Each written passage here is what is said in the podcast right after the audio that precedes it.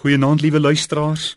In ons voorlaaste oordeenking oor die Christen se verlore skat, wil ek vanaand uit die Bybel uit vir u wys dat heiligmaking werklik moontlik is.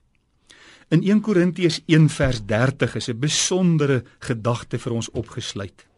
Daar staan maar deur hom God die Vader is julle in Christus Jesus wat vir ons geword het wysheid uit God.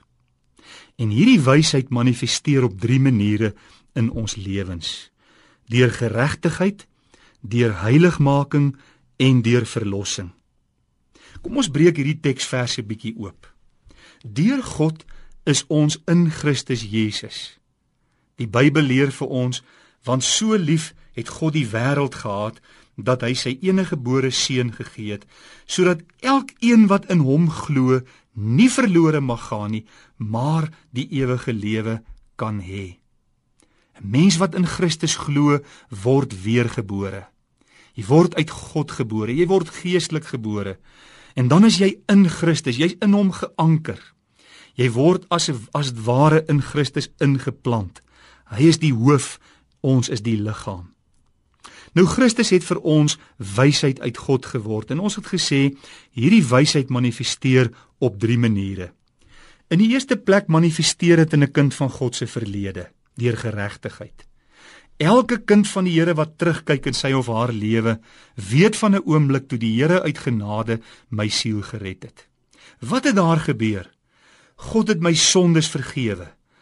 Hy het my wat so met skuld belaaid was vrygespreek en Christus se geregtigheid is op my rekening geplaas. Nou is ek nie meer skuldig voor God nie. Maar in die hede is die wysheid van God in Christus vir ons heiligmaking. Ja, ons is weer eens in Christus. En die wysheid wat hy vir ons geword het, manifesteer nou in ons lewens deur praktiese heiligmaking. Hy wil ons daagliks vorm om meer en meer soos hy te word. Hy wil ons daagliks dieper reinig. Hy wil ons vervul met sy Heilige Gees dat ons onder volkomme beheer van sy Gees kan lewe. En wat die toekoms betref, beteken die wysheid van God vir ons volkomme verlossing. Die verlossing wat hier ter sprake is, gaan ons deel word by die wederkoms as hy op die wolke kom, sal hy ons volkomme verlos. Ons sal losgemaak word van alle aardse tekortkominge. Nou ja, kinders van God, is kant en klaar geregverdig. Ons kan nie meer geregverdig word nie. Dis in die verlede, daar kan niks verder gedoen word nie. Die verlossing wat Jesus beloof lê in die toekoms en dis in God se hand. Ons kan ook niks daaraan doen nie.